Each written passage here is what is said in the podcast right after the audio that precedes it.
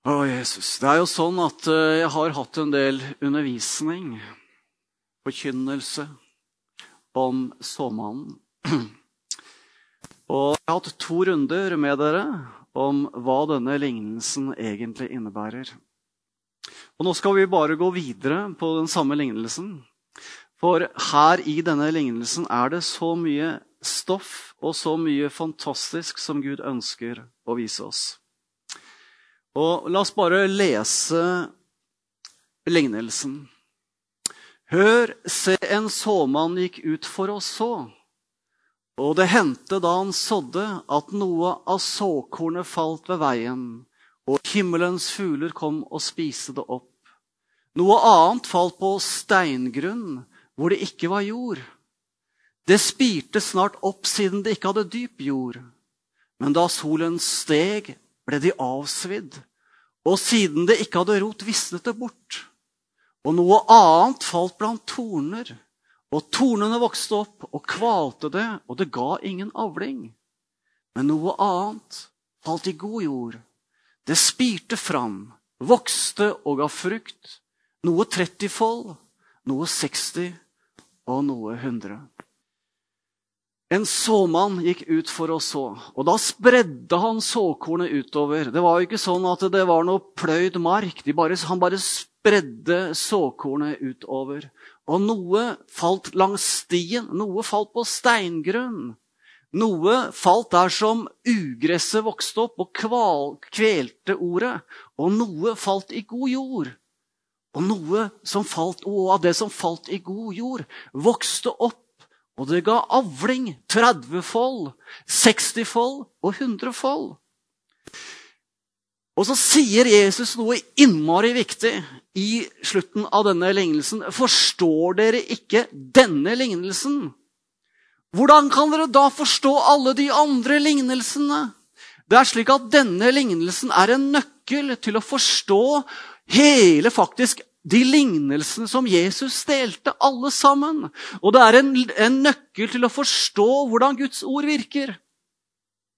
Amen. Altså, dette er en nøkkel til å forstå alle de andre lignelsene. Og Forrige gang så snakket jeg om skapelsen, hvordan Gud skapte. Og det er to hebraiske ord som er brukt når det står hvordan Gud skapte. Og når han skapte himmelen og jorden, så står det 'bara'. Og det betyr at han skapte ut av ingenting. Altså da han sa i begynnelsen, Når det står at i begynnelsen så skapte Gud himmelen og jorden. Han skapte hele universet, og han skapte det ut av ingenting. Det er det ordet betyr.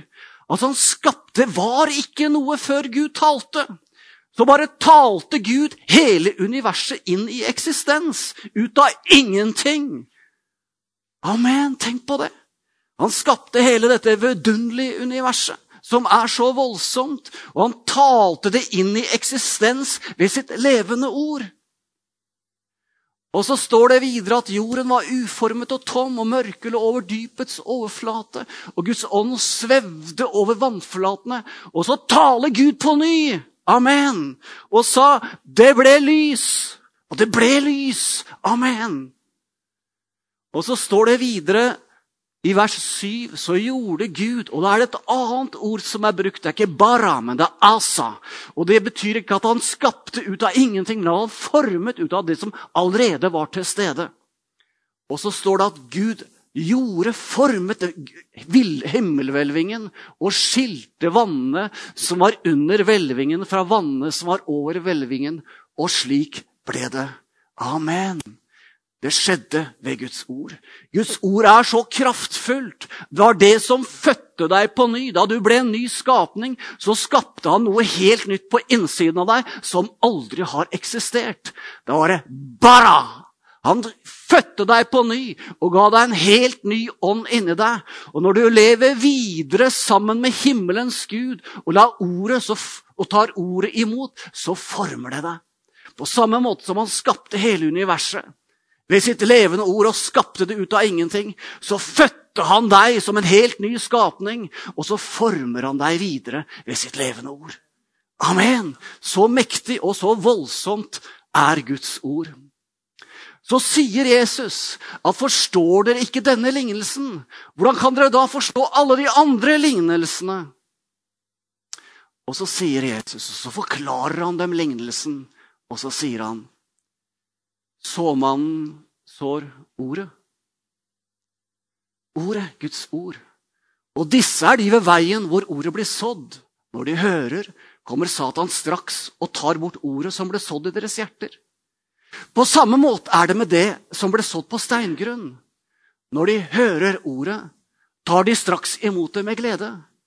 Men de har ingen rot i seg, og derfor holder de bare ut en tid.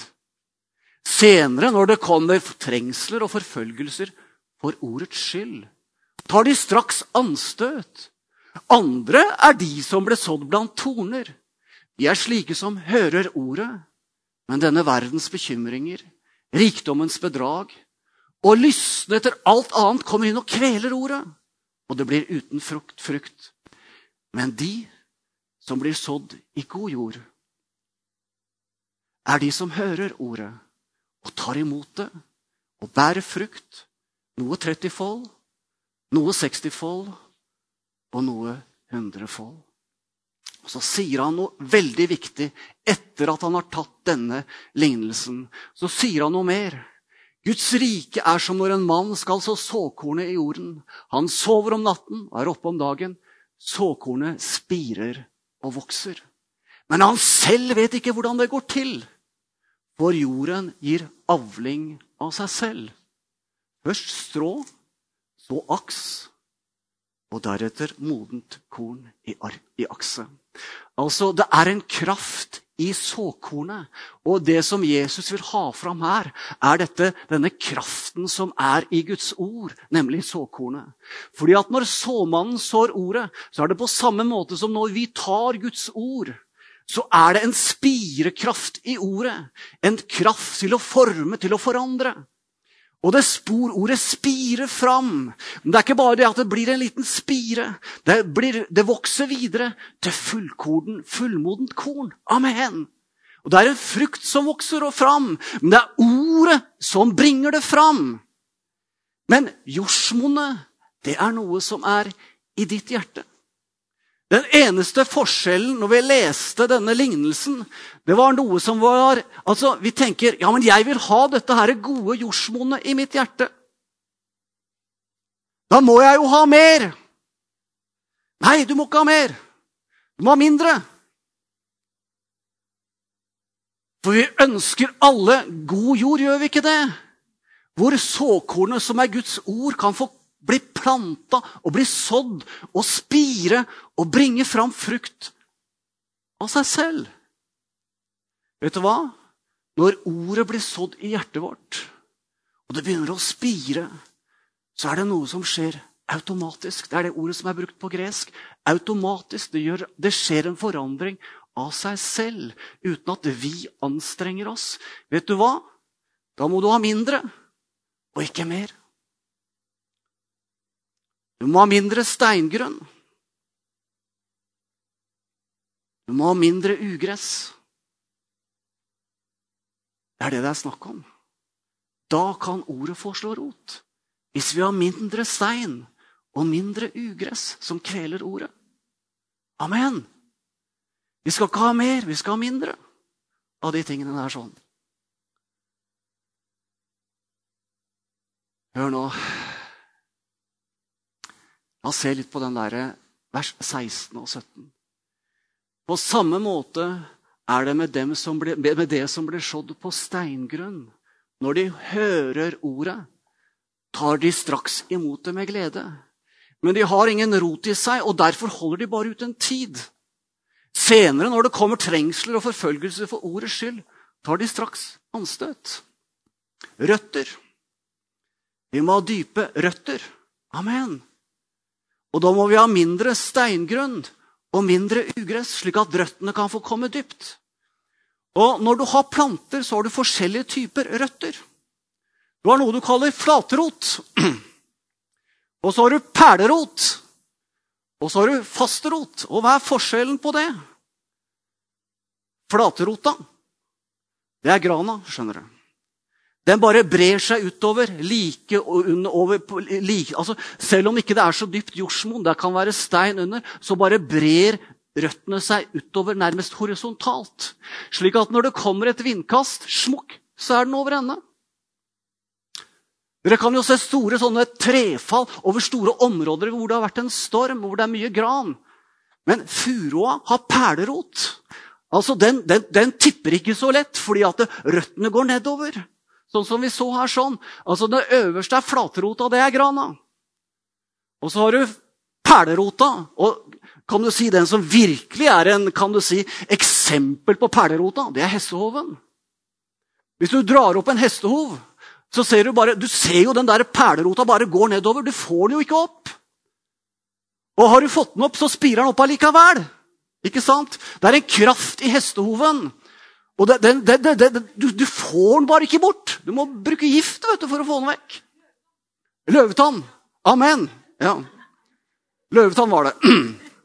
Her har vi botanikeren mellom oss. så du vet at eh, Nå skal vi bare se på en liten story fra Bibelen. Fordi at eh, Samme dag, står det. fordi at Først så forteller Jesus denne lignelsen om såmannen. Og så kommer han og så sier han det at så kommer han med flere lignelser. Han kommer masse lignelser den dagen.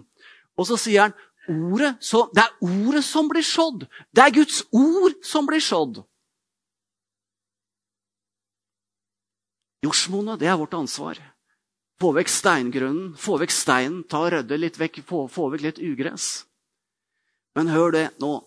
Vi vil alle møte trengsler og vanskeligheter. Hallo? Er det noen som har møtt trengsler og vanskeligheter?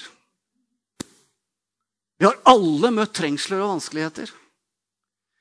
Men dere skjønner det at hvis vi har sånn perlerot, så står vi gjennom den der trengselen. Men har vi sånn der flatrot, så er det smukk rett over ende. Vi møter alle trengsler. Og vet du hva? jeg tror vi kommer til å gå inn i forfølgelser også før Jesus kommer tilbake. Og da må vi ha perlerot, skjønner dere. Må dype røtter. Og kan dere tenke dere, her, har, her, her står Jesus, eller han sitter kanskje og underviser alle disse menneskene med alle disse lignelsene. Og så er han ferdig, og så på kvelden så sier han så kan vi lese videre i Markus. Samme dag da det var blitt kveld, sier han til dem, la oss dra over til den andre siden. Da forlot de folkemengden og tok ham med i båten som han satt i. Også andre båter var med ham. Og det blåste opp til kraftig uvær, og bølgene slo inn i båten så den var i ferd med å fylles. Men han lå i akterstavnen og sov med hodet på en pute. Og de vekket ham og sa til ham, 'Mester, bryr du deg ikke om at vi går under?' Vet du hva?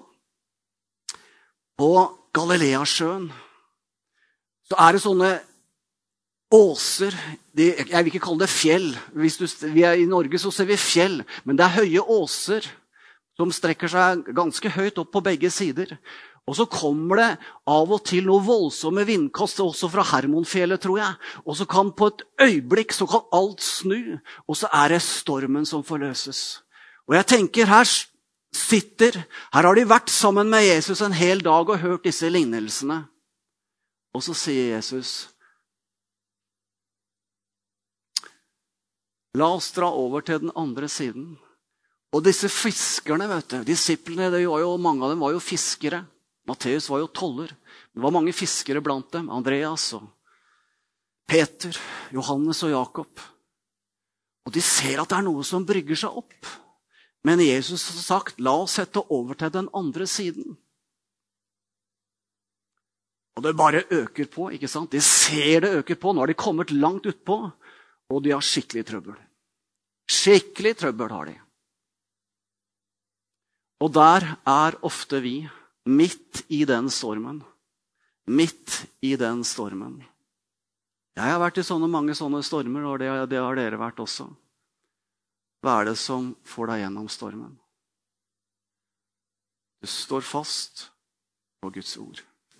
Her har Jesus først hatt en masse undervisning med disiplene og undervist dem hva som er det som bringer dem gjennom stormen, gjennom livets vanskeligheter.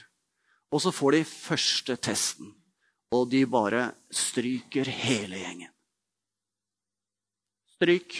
Karakter stryk. Ingen bestått. Sorry. Altså, men Jesus Men han lå i akterstravnen og sov med hodet på en pute, og de vekket ham og sa til ham, 'Mester, bryr du deg ikke om at vi går under?' Da sto han opp og truet vinden og sa til sjøen, 'Hold fred, vær stille.' Og vinden la seg, og det ble en mektig stillhet. En mektig stillhet. Han truet vinden, han truet bølgene. Og det ble en mektig stillhet. Men han sa til dem, 'Hvorfor er dere så redde? Hvorfor har dere ikke tro?' De hadde ikke latt ordet få gjøre sin gjerning i sitt indre.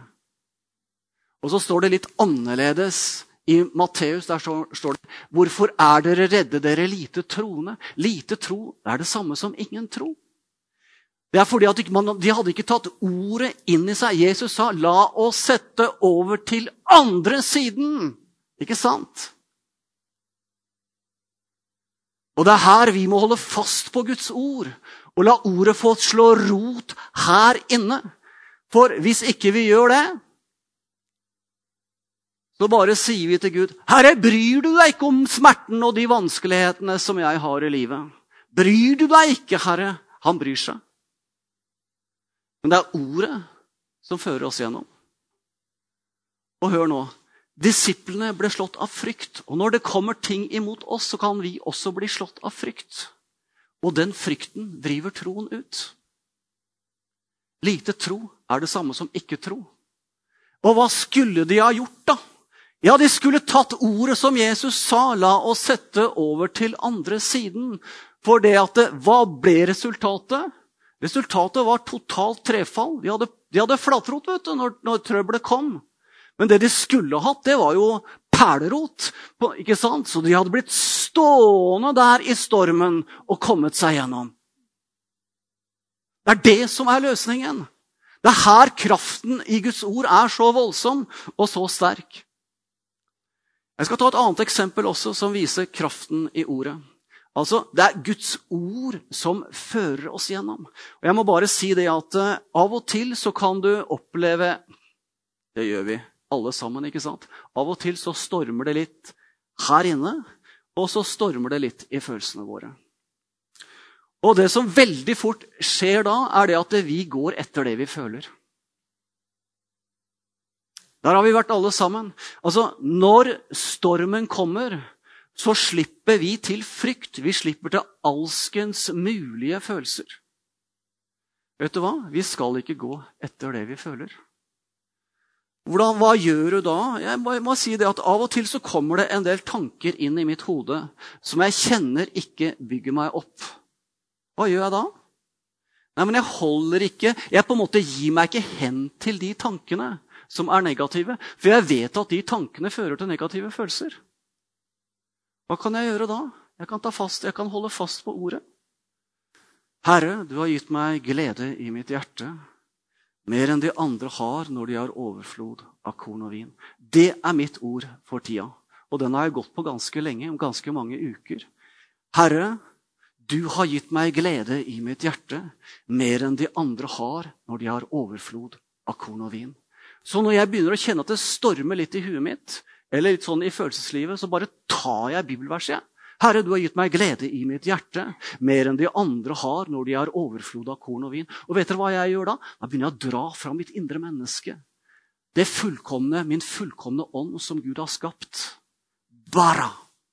Og så tar jeg Guds ord. Du har gitt meg glede i mitt hjerte, mer enn de andre har når de har overflod av korn og vin. Asa hvor Gud bare bruker ordet, og så former han livet mitt ut ifra det levende ordet. For dette er praktisk, skjønner dere. Det er så praktisk, det er et praktisk liv som skal leves. Og hvis vi slipper frykten til All frykt driver troen ut. Men troen driver også frykten ut. Amen!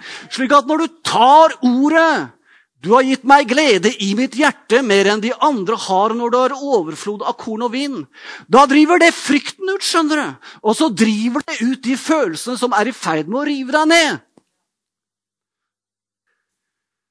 Å, Jesus. Altså, det er en kraft i ordet til å forløse det ordet er en bærer av. Og da er det slik at ordet er som et såkorn. Og et såkorn, hvis du har et godt jordsmonn Altså, tenk på det. Du planter det lille frøet i jordsmonnet. Og vet du hva det frøet gjør? Det begynner å dra næring. Altså Det første som skjer, er at det, på en måte, det begynner å strekke seg nedover. La, begynner å lage et rotsystem her nede, og så kommer det etter hvert en liten spire opp. Det, det frøet gjør, det tar de, alle de mulighetene som er i det jordsmonnet, og som er i lufta, og så danner det en vakker plante eller et stort, fantastisk tre. Og På samme måte er det ordet gjør i våre liv. Det forløser det som er i vårt indre menneske. For når jeg sier 'Du har gitt meg glede i mitt hjerte mer enn de andre har når de har overflod av korn og vin' Du skjønner Det verset der sånn. Det forteller deg at du kan ha glede i ditt hjerte uansett om hvordan omstendighetene er. Og Da begynner du å dra fra ditt indre menneske, og det er ordet, det er Guds ord som forløser det. Det er Guds ord som former livet ditt. Ser dere det? Det er en sånn kraft i ordet, og det er dette som er veien til seier i våre liv. Jeg skal ta en annen fortelling som illustrerer noe av det samme. Det er om døperen Johannes. Han satt i fengsel. Han hadde det ikke noe særlig bra. Kanskje så han sånn ut som det der. Det er tatt fra Chosen. Han satt der i fengselet. Han hadde det ikke noe særlig bra. Det var råtøft. Det var ikke noe særlig gode forhold i det fengselet hos Herodes. Så sender han to av sine disipler til Jesus for å spørre ham. Og Da mennene var kommet til Jesus, sa de, døperen Johannes har sendt oss til deg for å si, er du den som skal komme, eller skal vi vente en annen? Samtidig helbredet han mange for sykdommer, plager og onde ånder. Og mange blinde ga han synet. Jesus svarte og sa til dem, Gå og fortell Johannes om alt det som dere har sett og hørt. At blinde ser, lamme går, spedalsk blir renset, døve hører, døve blir vekket opp, og evangeliet forkynnes for fattige. Og salig er de som ikke tar anstøt av meg. Det er fra Chosen, hvor disse to disiplene kommer til Jesus og sier er du, er du den som skal komme, eller skal vi vente en annen? Vi kommer fra Johannes, han sitter jo i fengsel. Og så sier Jesus, gå og fortell. For det første Jesus gjør han, på en måte, han, Når de kommer, så bare er han i full aktivitet. Han helbreder. Blinde får synet, døve hører, lamme går. Og de ser tingene skjer. Og så sier Jesus til disse to disiplene til Johannes, gå og fortell Johannes det dere ser. Blinde ser. Spedalske blir renset. Døve hører. Lamme går. Og døde blir, opp, og, og døde blir oppreist til liv. Hør nå. Ja vel. Og disse to utsendingene til døperen Johannes går tilbake da har Jesus sagt noe til disse to disiplene. Blinde ser, døve hører, lamme går, spedalske blir renset, døve står opp til liv. Så går disse to disiplene av gårde, og de går tilbake til døperen Johannes. Så begynner Jesus å tale til folkemengden var han sendt disiplene tilbake. Og så sier han, 'Hva gikk dere ut for å se?' De har gått tilbake for å gi en beskjed til Johannes. Så de to disiplene hører ikke det som Jesus sier videre. Hva gikk dere ut for å se? En profet? Ja, jeg sier dere, mer enn en profet. Det er om ham det er skrevet, se, jeg sender min budbærer foran ditt åsyn. Han skal rydde din vei foran deg, for jeg sier dere, blant dem som er født av kvinner, er det ingen større profet enn døperen Johannes. Men den minste i Guds rike er større enn han. Blant dem som er født av kvinner, er det ingen større enn døperen Johannes. Johannes var større enn Moses. Han var større enn Elia, som ble tatt opp, en, opp til himmelen i en ildvogn. Han var større enn kong David. Men hør, vi som er født på ny Den minste i himmelens rike er større enn døperen Johannes. Du og jeg, som er født på ny, og som har fått Guds ånd inni oss, er større enn døperen Johannes. Og hvorfor, hvorfor, sa Jesus disse tingene? Hvorfor, det, hvorfor kunne han ikke på en måte sagt disse tingene når de to disiplene til Johannes var der? Det måtte jo være fantastisk for døperen Johannes å få disse, denne opplysningen. At er den, 'jeg er den største som noensinne er født av en kvinne'. Oh, jeg er jo større enn Moses, jeg er større enn David, jeg er større enn profeten Elia. Men det var ikke det han hørte. For dette talte han til disiplene etter at de var sendt av gårde. Så hvorfor gjorde Jesus det egentlig på denne måten? Hvorfor lot han ikke Johannes få høre denne fantastiske tilbakemeldingen? Hva sa Johannes om Jesus? Dere vet at da han begynte sin tjeneste, døperen Johannes, så sa han om seg selv, eller han sa om Jesus først. Og Da, han, da døpte han i elven Jordan, og disiplene kom til ham. Og disse, Når de kom forbi, så peker døperen Johannes på Jesus og sier han, Se, der er Guds lam som bærer verdens synd. Han hadde en åpenbaring om hvem Jesus var.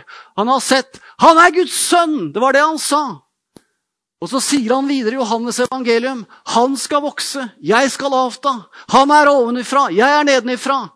Han som kommer fra himmelen, er over alle. Det var hans vitnesbyrd når Jesus begynte sin tjeneste. Det var det han sa om Jesus. Han hadde en åpenbaring om hvem Jesus var. Men nå hadde han det tøft. Nå satt han i fangehølet. Rotter, lort, skitt. Mørke. Hva sa han om seg selv på den tiden? Han sa, 'Jeg er røsten av en som roper i ødemarken.'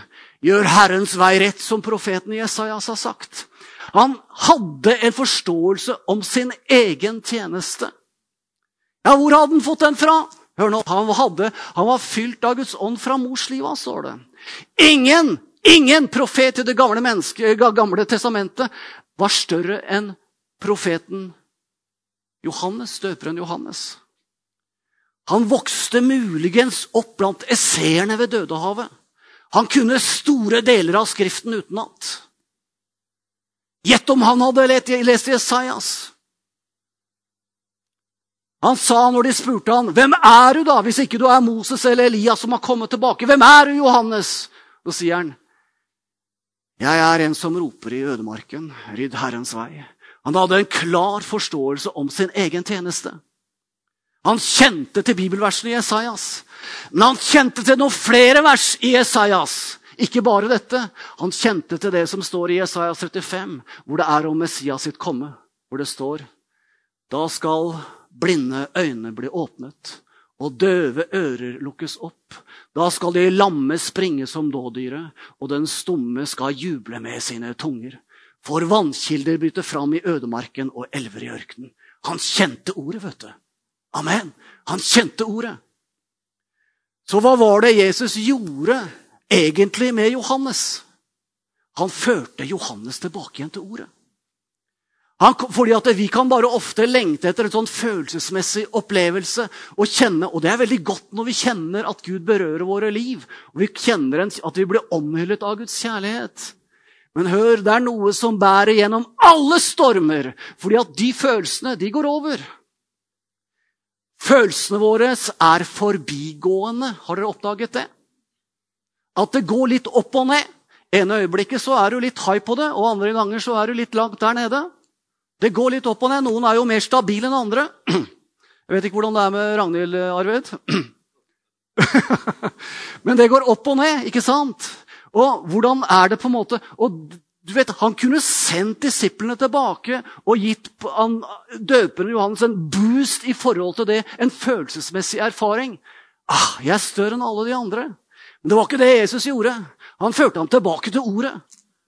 Fordi at ordet har en kraft i seg skjønner dere, til å få oss gjennom alle stormer i livet. Og dere kan tenke dere, Her hadde dere døperen Johannes. Han hadde forstått hvem Jesus var. Han sa, 'Se, der er Guds lam som bærer verdens synd'. Han sa, 'Han er over alle'. Han som kommer fra himmelen, er over alle. Han har fått ånden i fullt mål. Han hadde en åpenbaring om hvem Jesus var. Han er Guds sønn. Så sitter han i det der fangehølet. Mørkt, stinkende, rotter, lort og svineri. Og så tenker han, ja, verden, hva har skjedd? Hvorfor setter ikke Jesus meg fri? Er han virkelig Messias, eller hvem, hvem, hvem, er han egentlig? Han begynner å tvile. Vi kan alle begynne å tvile, ikke sant? Og da kommer ikke Jesus med et budskap til Johannes som en sånn der, gir en sånn følelsesmessig opptur. Han bringer han tilbake igjen til ordet. Han bringer han tilbake igjen til ordet. Og det gjorde fordi at når åpenbaringen over det som er i ordet, blir levende for oss Vet du hva? Da er det en kraft som går ut av ordet. Det er en kraft som går ut av ordet når det blir levende for oss. Amen. Amen. Og vi kan ta Guds ord på så mange forskjellige områder. Jeg tenker, Der, sitter, der ligger en, eller sitter altså denne, denne døperen i dette mørket. Så kommer disiplene tilbake. Og det er som han får lyset i øynene igjen. Ah, han er Messias. Fordi at Jesus førte ham tilbake igjen til ordet. Åpenbaringen blir tydelig igjen, og han holder fast på åpenbaringen. Og du vet at eh, han så Han så at Jesus var Messias. Men han trodde ikke at han skulle bli korsfestet, som han ble. Og han selv ble jo halshugget, ikke sant? Men dere vet at Jesus ble ikke bare korsfestet. Han sto opp fra de døde. Og nå venter han på at tiden igjen er moden. Moden til hva? At han kommer tilbake med sine englehærer. Å, halleluja! Han kommer tilbake, og han kommer tilbake og etablerer sin trone. Halleluja, sitt rike. Og jeg tenker at eh, Når vi blir ført tilbake igjen til ordet, så ser vi det store bildet. Vi ser at det er noe som kommer der framme. Ikke bare der en gang innenfor hans trone, men det er en sånn kraft i ordet som bringer oss gjennom livets stormer. Og tre, Vi har fått noe som er enda bedre skjønner dere, enn at Jesus går ved sida av oss. Vi har fått noe som er enda sterkere. Vi er født på ny. Den minste i himmelens rike er større enn døperen Johannes. Vi er født på ny. Vi har fått, Gud sa 'bara', og så på en måte ble du født på ny liv. Med Guds mektige hellige ånd. Og du har fått dette, du har fått Jesu Kristi natur på innsiden i din ånd. Han har flytta inn, skjønner dere. Han bor her inne. Og det er mye bedre å ha ham på utsida. Vi har fått Jesus her inne. Og når vi taler ut ordet, er det ikke bare slik at han skapte oss som en ny skapning i sitt eget bilde. Men når vi tar ordet, så forløser vi kraften i den indre skapningen, slik at vi kommer gjennom alle livets stormer. Halleluja. Og da kan vi ta ordet. Vi kan ta ordet. Salme 4,8, der står det. Du har gitt meg glede i mitt hjerte.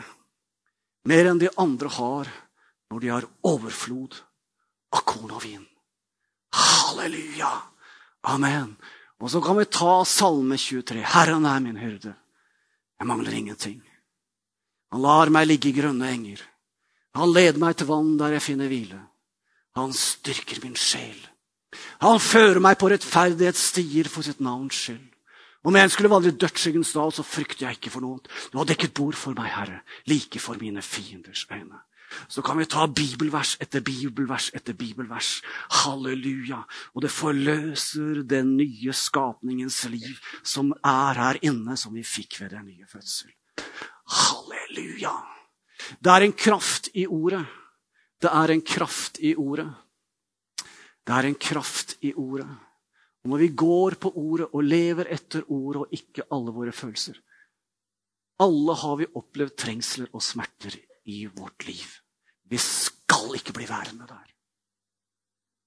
Altså ordet. Vi må bare ta ordet, som er så fylt av kraft, og som har denne forløsende energien i seg. Amen!